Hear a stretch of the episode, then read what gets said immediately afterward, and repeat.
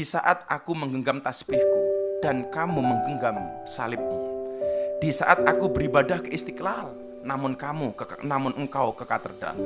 Di saat bioku tertulis Allah Subhanahu wa taala dan biomu tertulis Yesus Kristus. Di saat aku mengucap assalamualaikum dan kamu mengucap salam.